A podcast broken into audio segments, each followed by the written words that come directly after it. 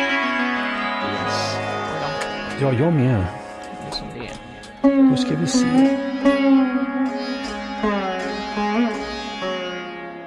Det var, det var ju som om en hårdrockare hade gått loss på, på det klassiska arvet. Att båda de här utställningarna får mig att förstå konspirationsteoretiker lite grann. Vad är en Instagramutställning? Det är ett roligt ord. Jag tror jag förstår vad du menar. Massa gröna grejer. Det är mest det jag tänkte. Synnerven stimulerades till bäng. Eh, Man, det är som att liksom sväva i en drönare och uppifrån se ner i, i labyrinter. Ta bort det där.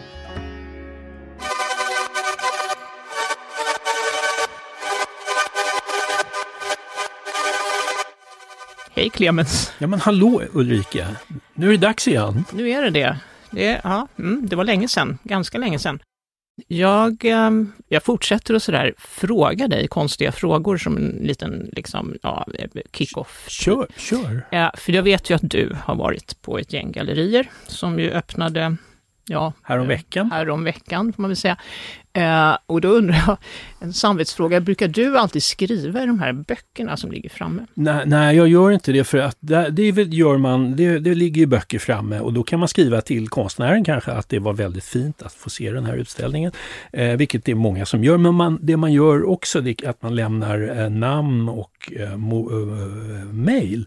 Eh, det är helt enkelt för att hamna på galleriets utskickslista så man vet när man får, när det är dags för en ny utställning. Nu, har, nu är jag redan uh, sen gammalt på utskickslistorna så jag skriver inte i böckerna. Nej, okej. Nej, jag skriver aldrig i böckerna. Jag vet inte, det är någon...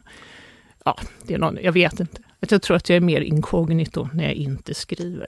Ja. Men hur som helst är det ju, det är ju många som inte vet hur man liksom beter sig på gallerier, eller som tror att man inte får komma in, eller att man Mm. måste köpa, eller uh, tänkte jag skulle avdramatisera gallerirundan lite.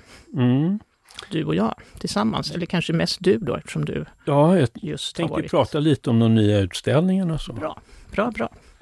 Ulrika, Ja, du sa att du liksom, du skriver inte i böcker på gallerier, du vill vara inkognito. Jag skulle säga att du är ändå en ganska synlig person med ditt röda hår och galleristerna har ju falkögon. Hur, hur gör du för att vara inkognito? Slängkappa eller? Nej, men jag, det är säkert bara en känsla jag har, att jag är det. Jag vet inte. Jag, det, nej, jag kanske misslyckas helt. Men jag, eh, jag vet inte. Stockholm är tillräckligt stort för att jag ändå ska smälta in. Så tänker jag ändå. Det är, det, är, det är skönt att smälta in. Ja, det är ju det. Det vill jag också.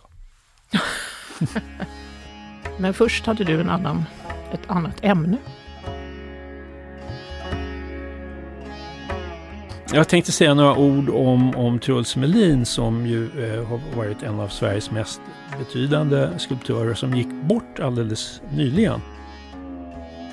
Och han var son till eh, formgivaren och, och, och ja, allt, allkonstnären Signe Persson Melin. Och, eh, han föddes i Malmö, han blev 64 år gammal.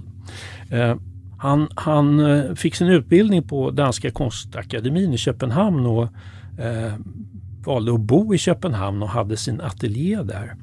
Eh, han representerar Sverige i, på Venedigbiennalen 1993 och 2007 fick han det mycket fina konstpriset Moderna Museets Vänners skulpturpris. Här i Stockholm så kan man se offentligt verk eh, som finns framför, eh, utanför magasin 3 eh, i Frihamnen. Eh, mentalt sällskap heter den. Den är som en labyrint eller en knut kanske av metallrör. Och i rören så står några få gestalter som jag läser av som dykare i en sån här gammaldags dykardräkt man hade förr. Man, Eh, liksom en, en liten rymddräkt. Eh, väldigt eh, mm, alltså, reducerade men ändå igenkännbara. Och kanske tror jag det är för att den står i hamnen men den är gjord under en period i slutet av 90-talet och början av 00-talet när Truls Melin skapade flera skulpturer med, med marin eller undervattensanknytning. Under den här perioden så målade han sina objekt monokromt gröna. En sån där eh, färg man känner igen från väntrum och en sjukhusgrön eller anstaltsgrön färg. Och den använde han efter att han i mitten av 90-talet blev akut dålig och hamnade i ett psykotiskt tillstånd. En sjukdom som han talade öppet om. Eh, den gröna färgen anses ju lugnande och används därför på, just på sjukhus och psykiatriska kliniker men också då i till exempel trånga besättningsutrymmen i ubåtar och, och eh, Truls Melin var ju fascinerad av äldre teknik, alltså vintage-grejer så att säga. Förutom saker som ubåtar och till exempel ett mudderverk så tillverkade han märkliga maskiner som i sin senaste utställning eh, i Stockholm på Anna Boman Gallery eh, häromåret 2020. Allt var, där var allt bemålat och monokromt i mörka färgtoner, mörkblått och svart. Man kunde se filmprojektorer vars låtsasfilmloopar bestod av cykelkedjor. Ögonfångaren var ett ganska stort ånglok som en modell av ett ånglok eh, som stod nära galleriets stora skyltfönster. För utställningen var ju avsedd att kunna ses från gatan under den första pandemisommaren. Loket hade fått ett ansikte, lite som den här barn eh, tv-serien och leksakerna Thomas the Tank Engine. Eh, men här var, var ansiktet lite mer, hade lite mer melankolisk eh, mimik, ett litet leende som kunde tolkas som känsligt kanske. Och poetiskt och barnsligt och vuxet på samma gång som, som Truls Melins konst var. Mm. Tack för den fina, fina runan får man väl säga. Ja. Jag kommer ju aldrig glömma hans den här gröna, just lugnande, fina färgen på ja, skulpturerna. Fint. Den dyker upp i huvudet så fort jag tänker på honom. Ja, faktiskt. precis.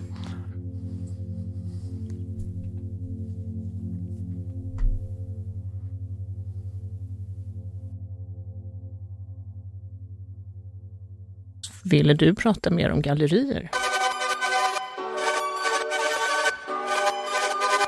Ja, men för det är så här att, att pandemi och det är restriktioner och det är ändå full fart på konstsäsongen som ju startade eh, precis veckan bara och eh, därför så är, blir det en gallerirunda. Det är, det är där eh, konsten finns just nu. Jag börjar på Hudiksvallsgatan för där ligger ju ett kluster i bortre Vasastan så att säga. Där finns på, på Galleri Nordenhake så är den kända amerikanske målaren Stanley Whitney. When I put a color down, I'm there. You know what I mean? There's no hesitation. I don't put a color down and then and then get scared about another color. If I, I if I put a green down and I feel blue, uh, yellow, I put the yellow down. You know what I mean? If it doesn't work out, I'll just shift. Han är nu i 70-årsåldern. Han är tillbaka på galleriet eh, där han eh, hade sin första separatutställning i Sverige för ungefär fem år sedan. Nu som då är det färgfältsmåleri. Ser ut som rutor kanske med ränder emellan. Väldigt sådär eh, basic men ändå, ändå fängslande. Eh, den gången, för, för fem år sedan, var det stora verk i olja på duk och nu är det mer skissartat med verk på papper i, i flera olika tekniker. Det är gouache, akvarell och krita. Det, det är liksom, finns en rytmik i det. Det är väldigt färgstarkt och det är en eh, utställning som man faktiskt blir, eh, lite fånigt att säga det kanske, men man blir glad av den. Det är en härlig eh, livskänsla, ett ljus i mörkret eh, nu eh, i, i, när, när februari kommer. Detsamma gäller eh, Ingela Håkansson Lams och Tom Hedqvists utställning på Berg Gallery som ligger alldeles intill. Eh, det är två designveteraner eh, som är uppsluppna och lekfulla de har varit kollegor, formgivare, mönstertecknare under eh, mer än 50 år. Och nu har Ingela Håkansson Lam gjort ett collage, eller många collage av pappersriv. De utstrålar färg och energi. Eh, Medan Tom Hedqvist han förblir mera sin praktik eh, med att utforska randens väsen trogen. Han har ju hållit på med ränder som mönstertecknare och har eh, haft flera utställningar där han visar verk som, som består av ränder. Det, det är en sorts minimalism som han, han hanterar mästerligt. Eh, och, och här är det snyggt med lite glest upphängda med väl avvägda avstånd. Små bilder som, som påminner om signalflaggor tycker jag. Galleri Andersson Sandström har bytt om till det mer internationellt klingande GSA Gallery. Numera har de två lokaler och eh, i den ena visas ju väldigt eh, maffig, storslagen skulptur av amerikanska Ulrika von Rydingsvard. Eh, det är ganska brutala grejer med, med skrovliga ytor, spår av, av eh, såg och hugg och snitt eh, mm, ja, ganska, ganska kärva saker. I den andra lokalen visas Ayedin Ronagi som sysslar med, med sin, här sysslar med sin iranska bakgrund i ett projekt han hållit på med länge. Det är, han använder sig av handvävda persiska mattor som ju är ett symbolladdat bruksföremål eh, och en samlingsplats i, i iranska hem. Eh, här lossar han trådarna och, och, och, han lossar knutarna får man säga och, och repar upp trådarna men låter en del av mattorna vara intakta. Och det är ju en, en tycker jag, en visualisering av, av den här iranska konflikten mellan påbjuden tradition och, och eh, kanske en, en, en, destruktiv modernitet eller en längtan efter modernitet. En upplösning av, av mm, jag läser in det här, men som en upplösning av tvång kanske. Ja, ja. Eh, sen Cecilia Hillström Gallery, en trappa upp, är ju, äh, har en suveränt äh, rolig utställning av Alexander Thalén som ju äh, har väckt, tidigare har väckt stor uppmärksamhet med, med sina små figuriner med, med rötter i en, en 1700-talstradition. Man tänker på majsenporslin. Han kombinerar då ett utsökt hantverk med, med vardagliga motiv. Eh, och till exempel då eh, min favoritgubbe av bland de här små eh, figurinerna. Det, det finns något rörande Nils Ferlinskt över en grånad man som sitter intill en soptunna bland kartonger. Kanske han är i grovsoprummet. Och i en, en, en koja av grenar inte långt intill så, så skymtar ju då en, några ölburkar är det monumentalt måleri av Linnea Rygård som, som har ställt ut på galleriet tidigare och hon väckte uppmärksamhet redan eh, sin avgångsutställning på Konsthögskolan med monumentala arkitektoniska motiv, eh, abstrakta då men någons, ja, mellan abstraktion och, och föreställande. Nu är anslaget mörkare och de geometriska figurerna är mer intrikata än tidigare. De, det, man, det är som att liksom sväva i en drönare och uppifrån se ner i, i labyrinter. Och de här stora målningarna skapar ju, tidigare har de varit som mandalor lite grann, de här indiska meditationsbilderna. Nu, nu skapar de ett mer dystopiskt eh, sug. Eh,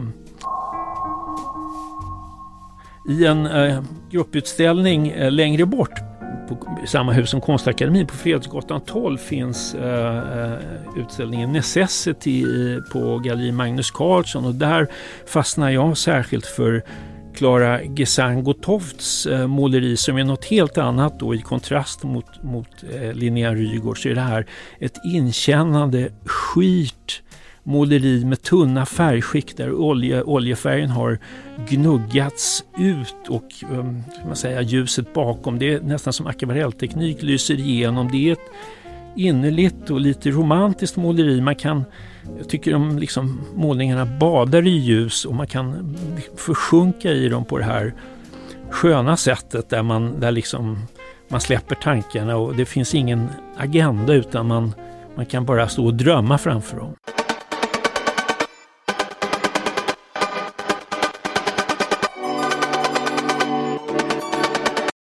Jag eh, tänkte ju prata om en utställning som inte är särskilt minimalistisk eh, och inte särskilt våldsam heller faktiskt. Eh, nämligen Aquanauts som eh, nu visas på Kulturhuset i Stockholm. Den hederfulla namnet är Aquanauts expeditionen till Siljansringen. Det är en stor installationsutställning som formgivaren Pompe Hedengren och fotografen Sara Mackay har gjort tillsammans och väldigt många andra människor. Det är en väldigt kollektivt framarbetad och väldigt ambitiös stor utställning som i två somrar visades på Verket i Avesta 2021. Nu blir jag osäker, 2021 måste det ha varit.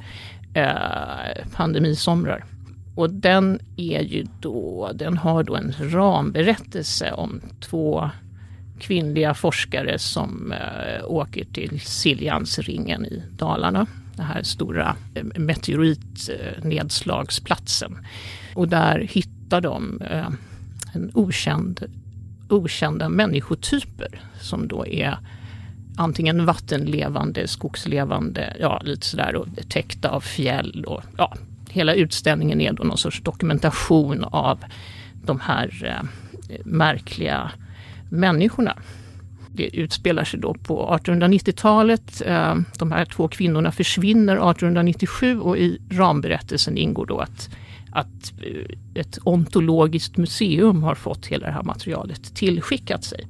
Utställningen är ju som ett gammaldags naturaliekabinett kan man säga med lite så här blandade artefakter, foton. Det är också en film och det är liksom ja, bevismaterial helt enkelt för de här eh, varelserna som då beskrivs eh, som eh, lite sådär som vi nu beskriver jägar-samlarfolk kanske. Att de är sådär det finns inga hierarkier och de lever i harmoni med naturen och de har gemensamt barnuppfostran och det finns inte några familjenormer och ja, alltihopa så.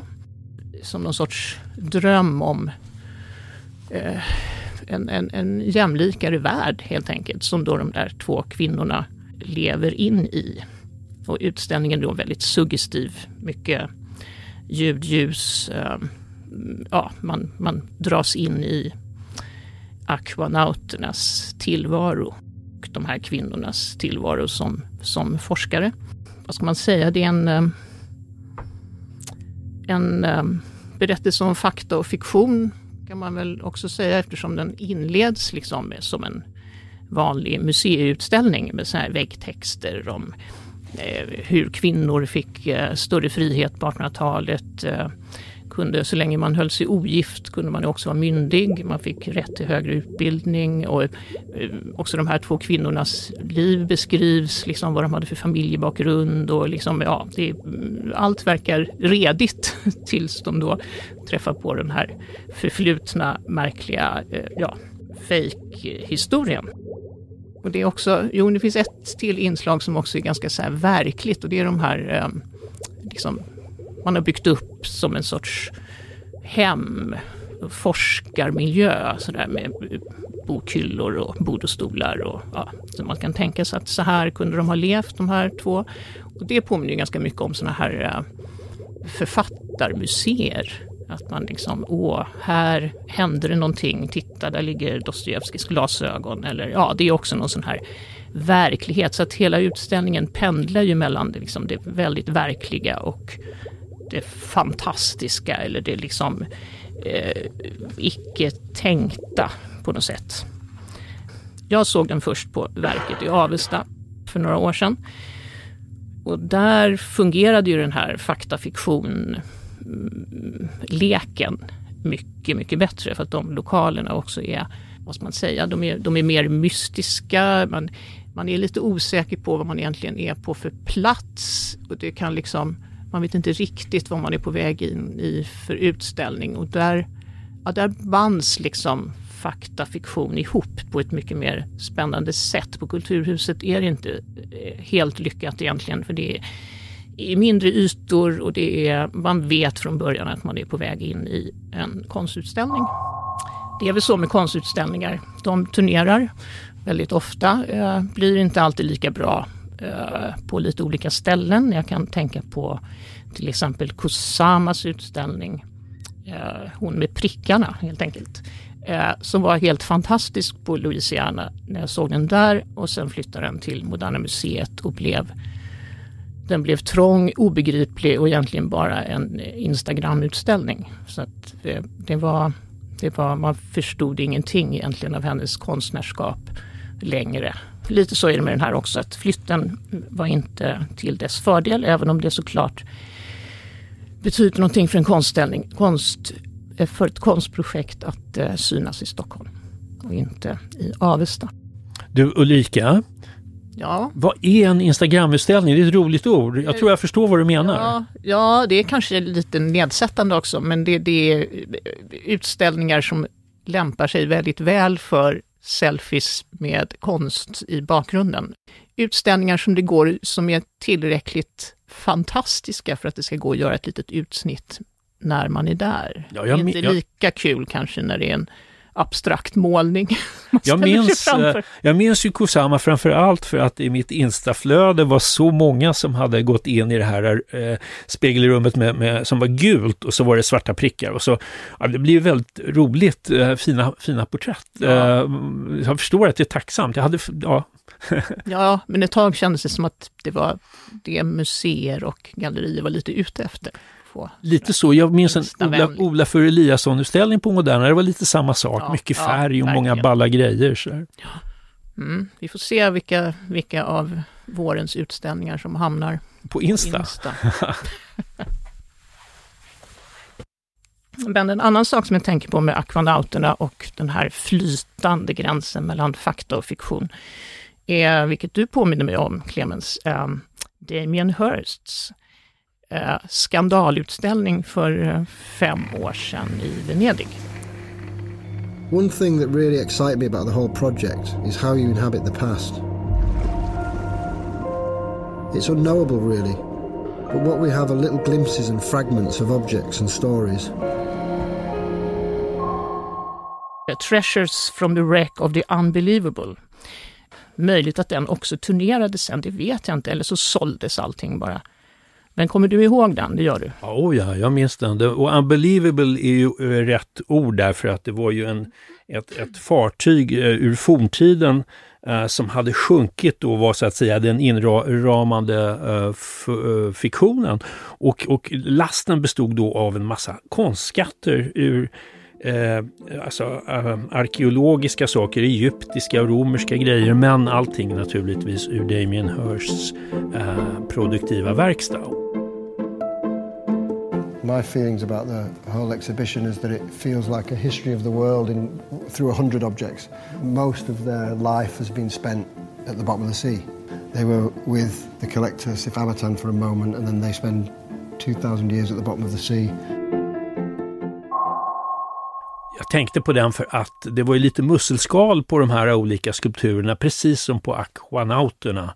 Ja, precis. Det är väl någonting det är- det är det har fint. med vatten att göra i alla fall. Men Ja, ja, exakt. Nej, men det var ju som att de har liksom en, en, en, parallell värld där det har hänt, alltså för science fiction ur, ur forntiden eller ur det förflutna. Ja, precis. En dröm om ett annat förflutet. Exakt. sätt. För I Hearst är det ju också, då är det ju liksom, om man säger, konsttraditioner från hela världen. Och motiv från alla världsdelar och, liksom, och sen från alla tider naturligtvis plötsligt någon Musse Pigg-figur där. Och, Exakt. Ja. Det var ju en underbar lekstuga samtidigt som den var lite alltså, irriterande för att det var ju jättestort. Den visades på två platser i, i Venedig, ett jättepalats och sen på den här äh, lite mindre äh, gamla fina, jag tror det var en tull... äh, Ja, just det, hus. tullhus. Eller Precis. det var. Ja. Ja, men, men det var ju överväldigande mycket, mycket grejer. äh.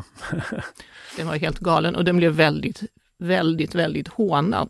Eh, jag vet inte egentligen om det var det, det, så himla hemsk. Nej, det, var- det var ju Men jag läste lite kritik av den och den, den ja, det, Det var ju rolig också. Det var ju Ja. verkligen alltså, överrik. eh, Eh, man fick, hur, alltså det, var ö, det var ögongodis, det var ju bara vräk. Man, som, synnerven stimulerades till mm. bäng. och ja, så otroligt kitschig. Alltså vissa av de där motiven var ju så, men de var ju som, jag kunde ju påminna om antik grekisk skulptur fast draget några snäpp till. Sådär. Det var inte laukon och någon liksom orm utan det var liksom fem personer och en jättestor drake och ja, sådär. Ja, det, var, det var ju som om en hårdrockare hade gått loss på, på det klassiska arvet. Ja, ungefär så. Ja.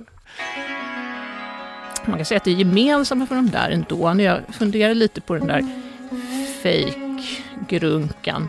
Uh, ja, vad ska man säga? Det, fantasifullheten och uh, viljan att dra i sanning och fiktion, det har de ju ändå gemensamt, de här två att presentera liksom en fantasi om ett förflutet. Eh, för att också kanske berätta om oss på något sätt. Det är liksom, eh, var det vår civilisation som egentligen gick under i Damien Hirsts fantasi? Kanske, delvis. Ja.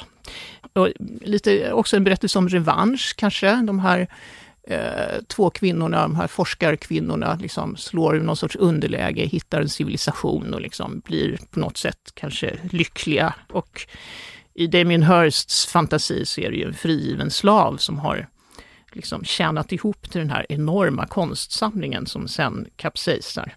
Det är liksom, ja, lite så här eh, revanschfantasier något. På något sätt, det här tänkte jag på igår, jag vet inte om det stämmer riktigt, men att båda de här utställningarna får mig att förstå konspirationsteoretiker lite grann. Därför att det är någon... Eh, att det, ja, någonting som stämmer och någonting som inte stämmer. Eh, att den här att man möter något fantastiskt. Alltså först befinner man sig i någonting som är ganska sant och sen glider det över till det fantastiska och det är så himla, det skulle vara så underbart att bejaka det här fantastiska. Det är det jag tänker att man gör när man är konspirationsteoretisk, att man liksom, man tar lite fakta och sen öppnar sig en värld som är faktiskt så jävla underbar. Tänk om det var sant att det fanns såna här liksom aquanauts som levde så här, eller att den där konstsamlingen liksom var på riktigt, att hela världen kunde samlas på en båt, typ. Eh, så det är min slutsats eh, på något sätt. Det, det, är som att... Eh, Längtan efter fantasin. Ja, konspirationsteori är ju, är ju någon sorts fantasy. Ja. ja, vad bra. Men du, nu, nu ska vi gå över till det här fasta inslaget som vi har kört lite som någon sorts mellanspel uh -oh. tidigare avsnitten, nämligen den här bildgåtan som du nu ska få av mig. Oj, oj, oj. Ja, och jag har så fint nu gjort två olika, så att du ska få, du ska få välja mellan en jättesvår och en lätt. Nej, du ska få välja mellan en kanske lite, eh, lite tyngre och allvarsammare och en uh, som inte är fullt så allvarsam. Jag tror att båda är ungefär lika svåra, lätta. Uh, ja. ja. Det här är inte som Vinterbergsfesten. Det, är inte, det kommer inte bli... Det är, ingen av dem är fruktansvärd. Oj, uh, ja, men då tar jag den tunga och allvarliga. Och hjälp, jaha, okej. Okay. Uh, du trodde att jag skulle göra tvärtom? Ja, det trodde jag Okej, okay, då ska vi se. Eh, det är ett offentligt verk. Det, det, är inte en ledtråd, utan det är mer som en rubrik. Mm. Eh, och eh, just det här verket är egentligen tre stycken. Eh, placerade i centrala Stockholm och delar av ett internationellt projekt. Och precis som förra gången jag gav dig en gåta så är det här också en tysk konstnär. Det var liksom en samlad första ledtråd som inte var ett dugg bra, förstår jag nu. Jag skulle säga att eh, Thomas Skytte rakt av om, om jag, om jag trodde att det fanns något av honom i Stockholm, men, men det gör det väl inte? Uh, inte vad jag vet. Nej. Nej. Mm.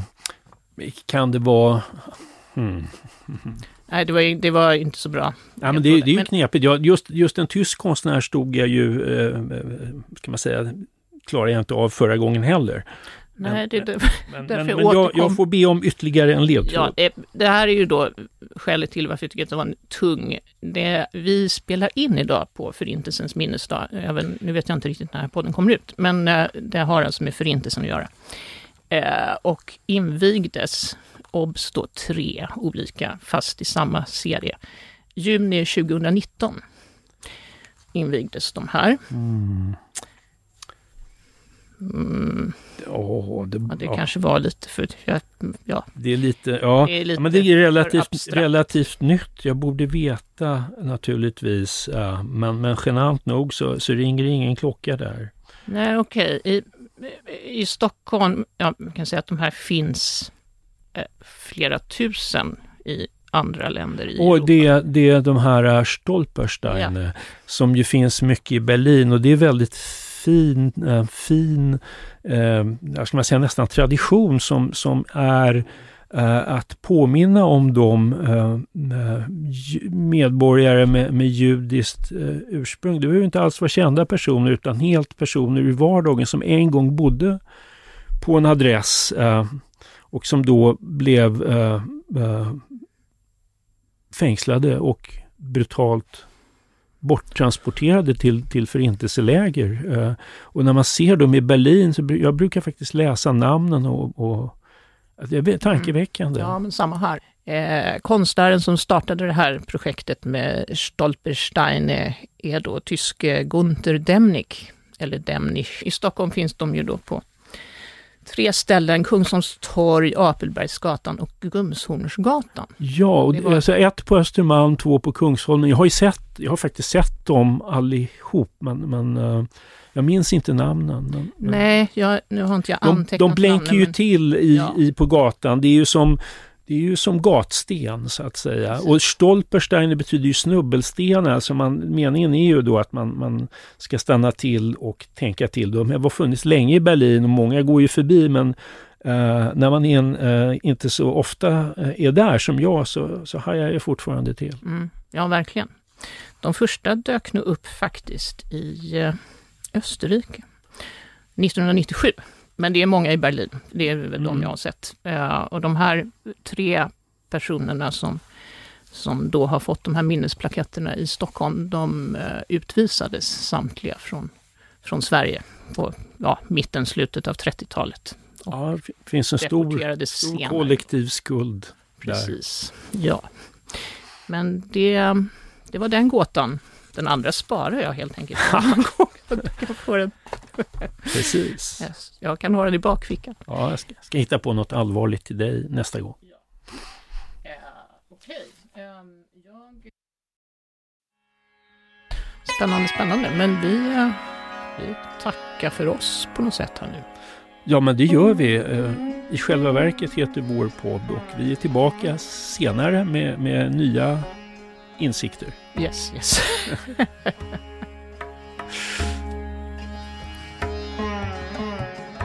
Du har lyssnat på en podcast från Aftonbladet och Svenska Dagbladet. Ansvarig utgivare är Lena K Samuelsson.